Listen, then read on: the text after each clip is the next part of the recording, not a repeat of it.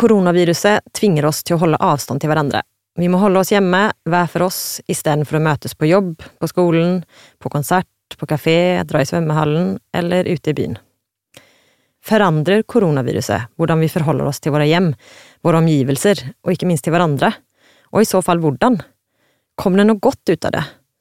Og er det noen nye initiativer, prosjekter eller vaner vi har begynt med, som vi bør fortsette med etterpå? Hva skjer egentlig etterpå? Og vil pandemien og vårt svar for å beskytte oss mot den forandre arkitekturen og byutviklingen? Velkommen til den nye podkasten Arkitekturpodden, laget av Oslo Arkitekturtrinale, til dere som er interessert i byen og arkitekturen rundt oss. Mitt navn er Hanna Densik Petersson. I denne, vår aller første podkastserie, får du møte tre personer som er særlig opptatt av tre ulike sider av hvordan denne pågående pandemien påvirker oss.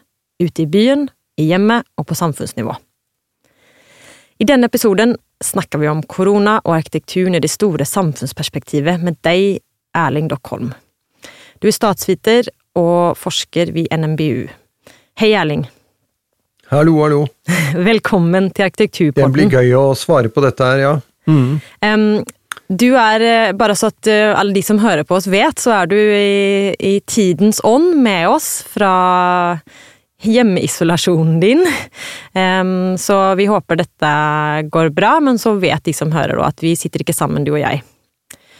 Um, denne pandemien eh, som plutselig er over oss, har jo utfordret eh, både levevaner, utdanningssystemer og ikke minst økonomien. Eh, på veldig kort tid så har store deler av det som både er grunnlag for å bygge samfunnet, fått radikalt endrede premisser.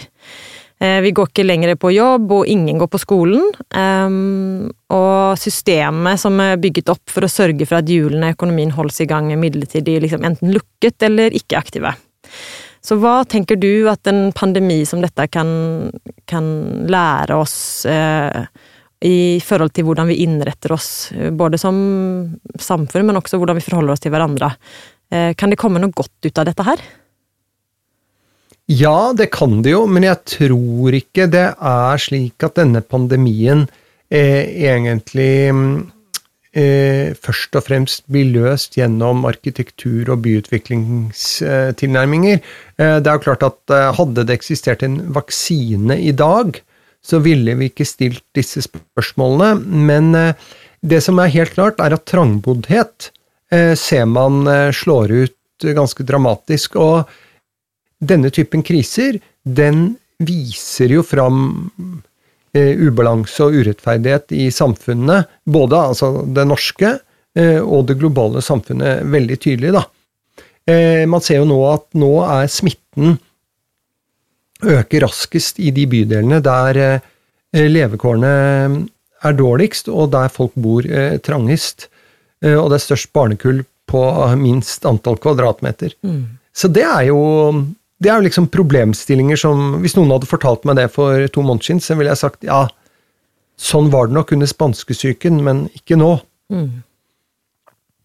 Ja, nei, det er interessant at du eh, At du sier at eh, liksom relevansen til arkitektur og byutvikling i akkurat denne situasjonen her kanskje ikke er så stor, men samtidig så tenker jeg at um, at arkitektur spiller en viktig rolle når vi skal forme samfunnet. på en måte, At alle samfunnets oppgaver og aktiviteter på en måte finner sted.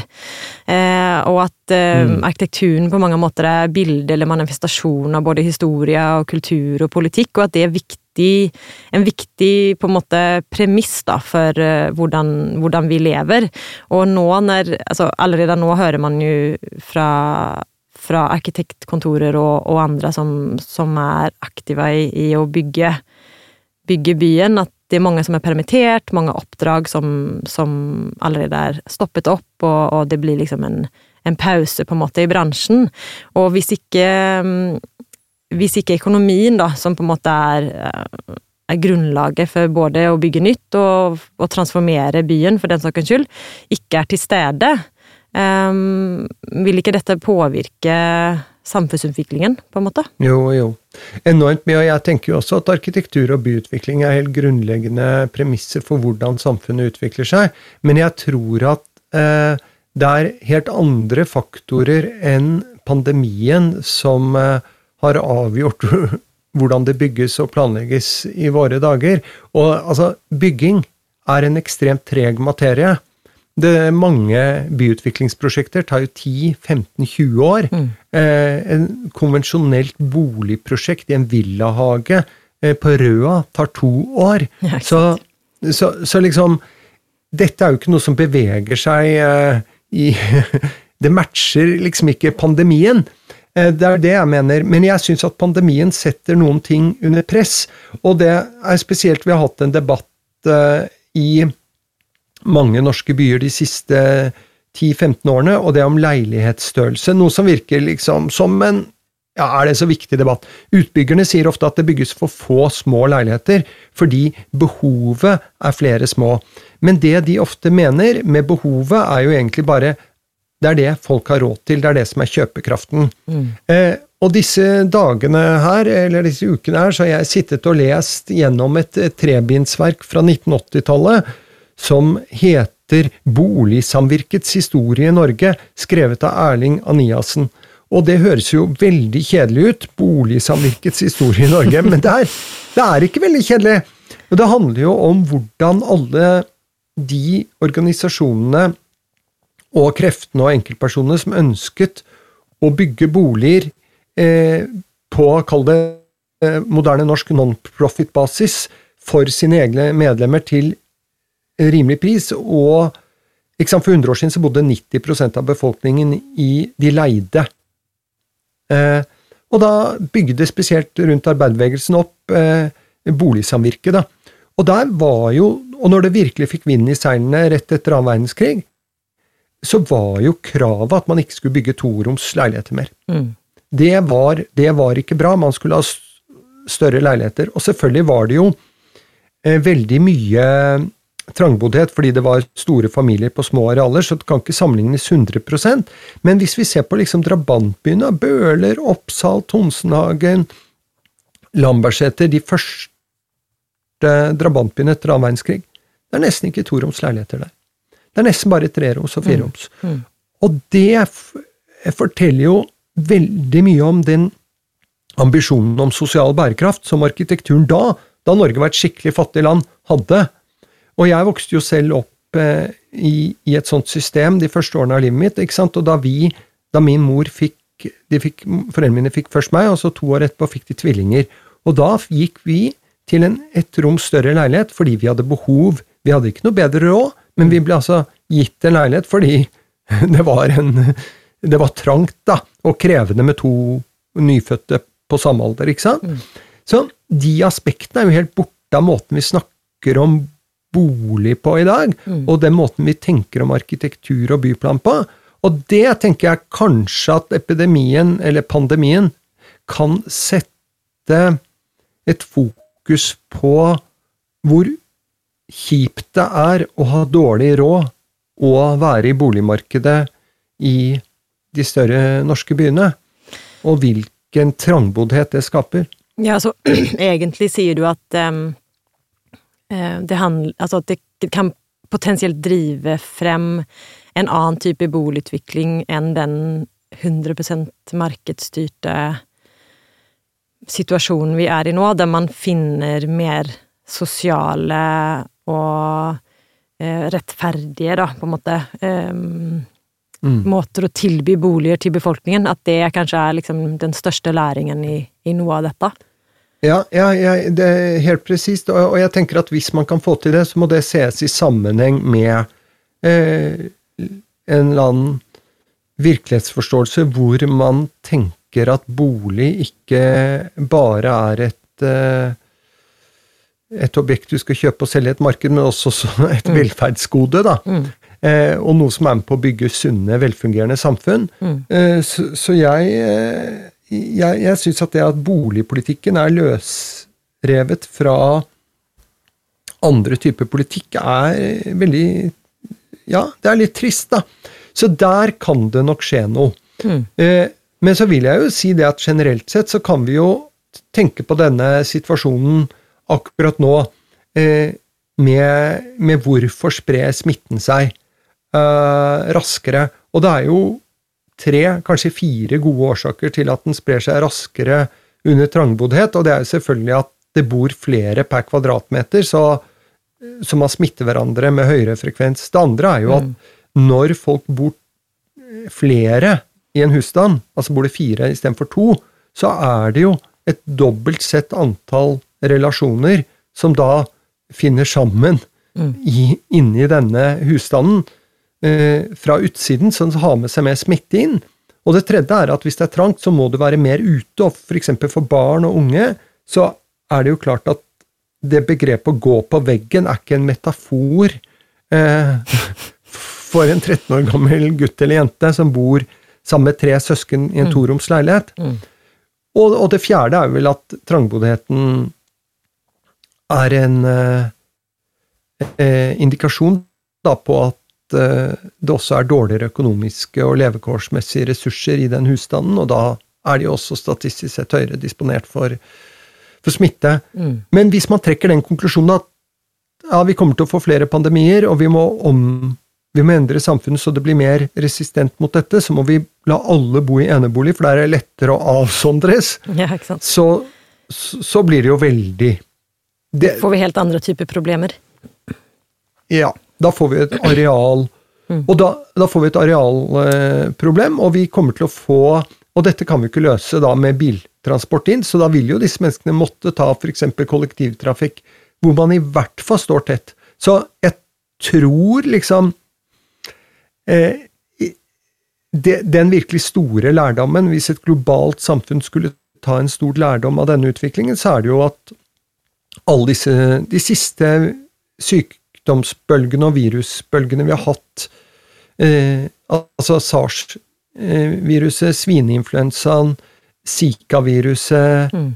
hiv eh, Alt dette eh, skyldes jo at eh, menneskene har eh, et veldig nedbrytende forhold til naturen, og at når du Og det er gjort mange studier som viser at disse sykdommene som alle er såkalte sonotiske sykdommer, altså hvor virus som kan være helt ufarlig for dyr, overføres til mennesker, så er det jo fordi man har gått inn og hogd ned mye skog, eh, og de dyrene som er i skogen, f.eks. flaggermusen, tilpasser seg da ved å leve i mer mennesketette omgivelser og osv., osv. Og, og vi ser at f.eks. Eh, noe så banalt og grusomt som malaria Visse typer mygg er mye mer disponert for å transportere malaria enn andre, og mm. de eh, malariautbruddene øker i takt med nedhugging av regnskog mange steder. Mm. Så det er jo kanskje den store lærdommen man burde ta, da.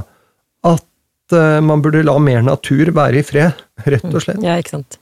Det er veldig spennende, og jeg tenker at det er jo altså, Det bringer oss på en måte inn i en diskusjon om en annen krise som òg førstegår nå, og det er jo mm. denne klimakrisen, mm. som kanskje er på mange måter enda større. Og i um, Oslo Arkitekturtrinale brukte festivalen i fjor, i 2019, til å på en måte problematisere dette forholdet mellom mm arkitektur, byutvikling og klima, og um, tok utgangspunkt i noe som heter en tankeretning, på en måte, som man på norsk kaller nedvekst, eller degrowth mm. på engelsk. Mm. Og der um, ja, de, de, mener jo at utfordringen utfordringene vi ser i verden, knyttet til det du snakker om nå, på mange måter er koblet til eh, de økonomiske systemene eh, som mm. vi baserer samfunnsutvikling på, og der det vekst på en måte er um, Mm. Økonomisk vekst som utgangspunkt for utvikling er et stort problem, da. Og jeg tenker at det er interessant også i forhold til det der bolig som velferdsgode, for det betyr jo Altså bolig som velferdsgode, da betyr det at man på en måte må bryte med det systemet vi er inne i nå, der på en måte økonomisk vekst skal drive utviklingen. Det er andre hensikt som skal på en måte bringe oss eh, framover. Um, og andre liksom, måter å drive utviklingen på. Um, men så er det også altså, tenker jeg, tankekors nå, da, at når um, klimakrisen liksom i så mange år ikke har klart å samle verden til å gjøre mm. de tiltakene som kloden trenger, liksom så mange klimatoppmøter, og fortsatt så går forbruket opp, og, og samtidig er det jo ingen, altså, det er ingen hemmelighet at våre fag, altså da arkitektur og byutvikling og plan, samfunnsplanlegging og bygging, på en måte, er et kjempestort problem i denne kabalen. Mm. Um, og nå plutselig så har liksom koronakrisen klart um, klart det som klimakrisen ikke har klart enda, og det er jo liksom at man responderer, på en måte. Og hvis, vi ser jo at kloden også liker veldig godt det som skjer. Altså, man hører historier ja. fra hele verden der ja, i plutselig Beijing så ser de blå himmel, det har de ikke gjort på mange tiår. Mm. Og eh, vann som plutselig er klare, og eh, CO2-utslipp og sånne forurensninger som går ned i hele verden, mm. kan, kan liksom det tenker jeg er et veldig sånn spennende, spennende tema, og hva, hva, er det denne situasjonen vi nå er inne i, mm. kan, kan det fungere på en eller annen retningsendrende i, i, forhold til mm. Eh, klima Hvordan vi svarer på klimakrisen, og da selvfølgelig hvordan våre altså arkitektur- og byutviklingsfagene faktisk snur seg rundt og begynner å fungere på en annen måte, da. Og, og, og hvis man gjør det, hva, hvilken rolle får da arkitekturen i fremtiden? Um, uh, hva blir liksom mm. førende i en, i en, verden der vi mm. faktisk svarer på klimakrisen, da? Mm. Ja, Det er jo et uh, veldig interessant spørsmål. og jeg tror, altså Dette kan vi jo se på både i det store og lille perspektivet. fordi en liten byggeplass er jo det lille perspektivet, ikke sant? Og så er det de store ja, infrastrukturprosjektene osv. Som, som er helt annerledes. Så da, da, er det jo ikke sant, Det er jo slik at um, det har jo vist seg vanskelig å løse frikoble økonomisk vekst fra økt energiforbruk. Mm. Men, eh, men, samtidig så er det jo klart at eh, hva betyr det å ikke ha økonomisk vekst? Altså, eh, det er jo et veldig interessant spørsmål, fordi at du kan si at eh, rike land som våre Eh, kan vel klare det ganske godt internt ved å fordele ressurser litt bedre og sånn. Men eh, store deler av verden så er jo fattigdom normalen. Eh, så hvis de ikke skal ha en eller annen form for mer velfungerende samfunn, så, så, så, det der er krevende. Men jeg, jeg tror jo ikke at jeg tror ikke at man kan forandre ikke sant? Det som skjer med koronakrisen, det er at den er umiddelbar. Mm. Ikke sant? Du er redd for å dø, mm. du gjør en handling. Ja, du ønsker å avvike den. Eh, klimakrisen er veldig langsom, og den rammer veldig ulikt. Og det er ikke noen eh, Det er ikke noe sterkt globalt lederskap. ikke sant? Hadde Kina og USA gått i front og sagt noe om vi kutter så og så mye og sånt, eh, så hadde det nok vært lettere. Og selv om Kina gjør mye, så bygger de kullkraftverk hele tiden. Og det er jo helt utrolig Eh, Japan, etter denne atomulykken i forbindelse med det jordskjelvet for ti år siden, eller når det var, de har jo nå planlagt å bygge 22 nye kullkraftverk. i Japan, som er et høyteknologisk mm. samfunn.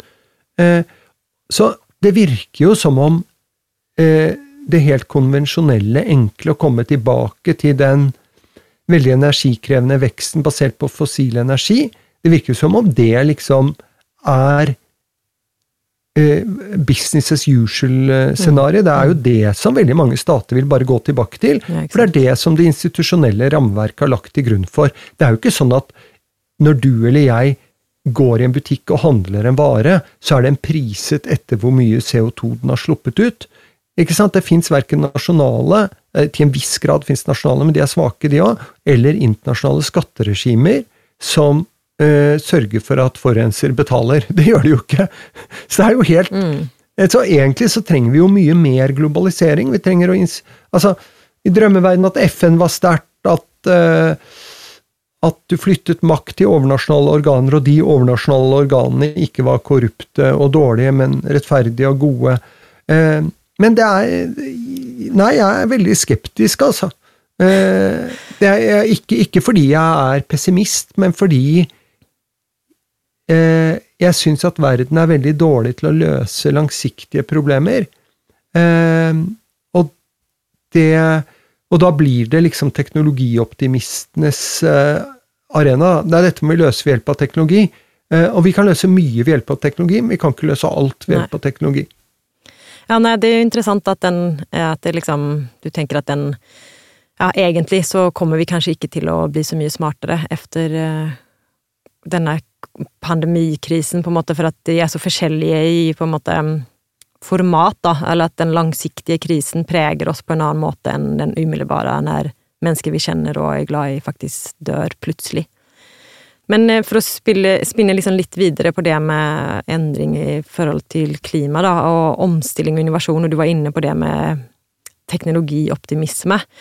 Um, omstilling hører vi og snakker vi om eh, veldig mye, og spesielt mm. i forhold til det grønne skiftet, som er liksom veldig stort, mm. i hvert fall her hjemme. Mm. Uh, og tanken um, på at uh, en, Tanken er jo på mange måter at en sterk økonomi, som Norge har, um, skal sikre en slags trygg og myk overgang da, fra et fossilt mm. samfunn til en nullutslippssamfunn, eller et, et mm. nøytralutslippssamfunn. Mm. Men i disse tider så, så, føles jo det plutselig veldig usikkert. Um, og hvordan kan vi på en måte sikre videre innovasjon og fortsatt overgang mm. til, til et, et, klimavennlig samfunnsutvikling, da, i en tid der økonomien er så usikker mm. og potensielt svekket framover? Mm. Ja, nei, det er jo interessant. Det kan jo hende at eh, en sånn eh, Altså, det er jo mange nå som sant, i det politiske miljøet sånt som vil ha en sterk grønn industrisatsing, eh, hvor staten skal gå inn og støtte mye, for det er jo ikke lønnsomt. Eh, og det kan jo hende vi kan få til det i Norge mye, altså, og vi har masse, mange steder hvor vi er langt fremme teknologisk. Eh, og for eksempel så er jo all skipsfart i verden veldig forurensende, og hvis man får skipene til å gå på hydrogen, eller altså via ammoniakk, som har eh, inneholder 40% hydrogen, så vil, så, så, så vil det være et helt fantastisk bidrag, ikke sant? Men hvordan gjør du den løsningen eh, om fra å være et eh, pilotprosjekt til å bli en global løsning? Mm. Eh, hvordan sikrer du det? Jo, det må jo være gjennom et internasjonalt regelverk, slik at eh, det ikke er noen Altså, det må være lover og økonomiske incitamenter. Mm. Og det jeg tror er ganske viktig nå etter denne koronakrisen, er å gå gjennom skattesystemet slik at eh, at skatten på eh, kall det død kapital, da, eh, som f.eks. eiendom, øker, og så går skatten på arbeid og på aktiv kapital som investeringer og sånt ned.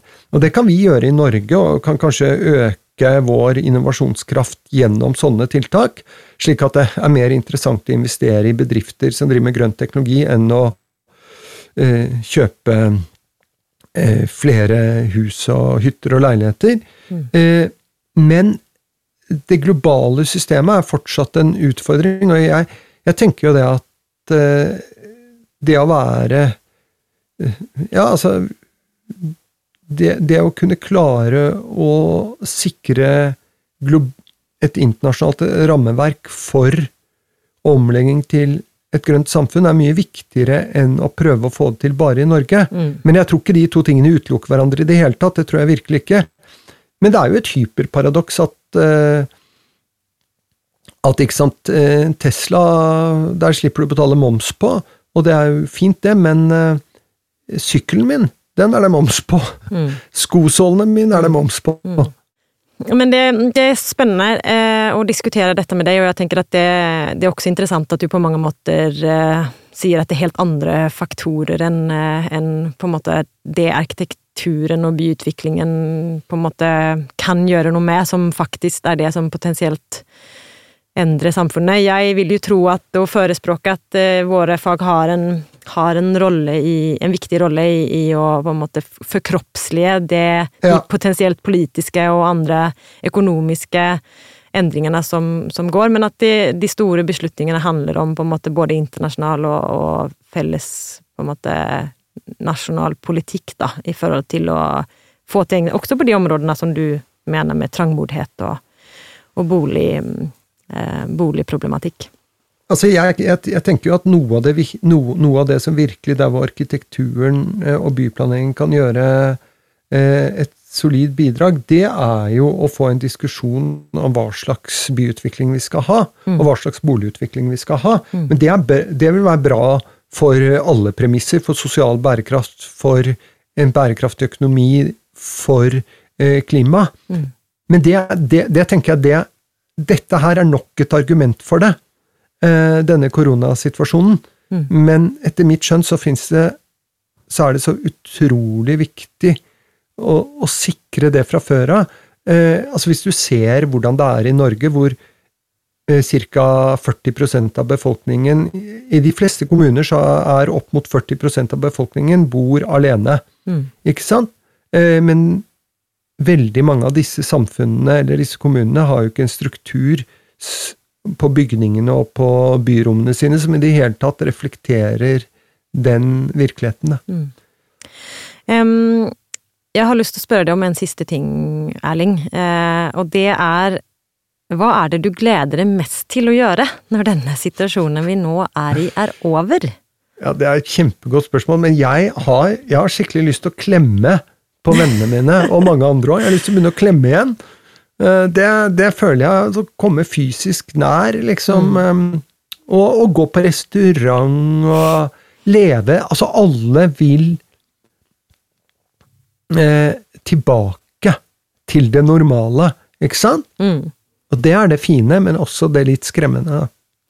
Jeg tenker at det, det er veldig flott, og at det er det som kommer frem i veldig stor grad nå, det at vi har veldig behov for hverandre. Eh, vi har behov for fellesskapet og behov for nærhet, og det tenker jeg er god grobunn for å kunne liksom gå videre i en, i en mer bærekraftig på alle plan-måter, da, i fremtiden. Ja, tusen takk, Erling, for at du ville være med oss i Arkitekturpodden i dag. Eh, det var en glede å ha deg her. Tusen takk for å få være med, det var kjempehyggelig. Arkitekturpodden er laget av Oslo Arkitekturtrinale som en del av Triennalens 20-årsjubileum i 2020. Samtaler om byen i koronaens tid er en serie i tre episoder om hvordan den pågående pandemien påvirker oss og vårt forhold til byene og arkitekturen rundt oss. I de andre to avsnittene snakker vi om hjemmet i koronaens tid med førsteamanuensis ved Arkitekturdesignerskolen i Oslo, Marianne Skjulag, og om byen og offentlig rom med Siri Holmbo Høybo, som er leder for by- og stedsutvikling ved Doga. Takk for at du fulgte med eh, på denne aller første serien i Arkitekturpodden. Vi høres!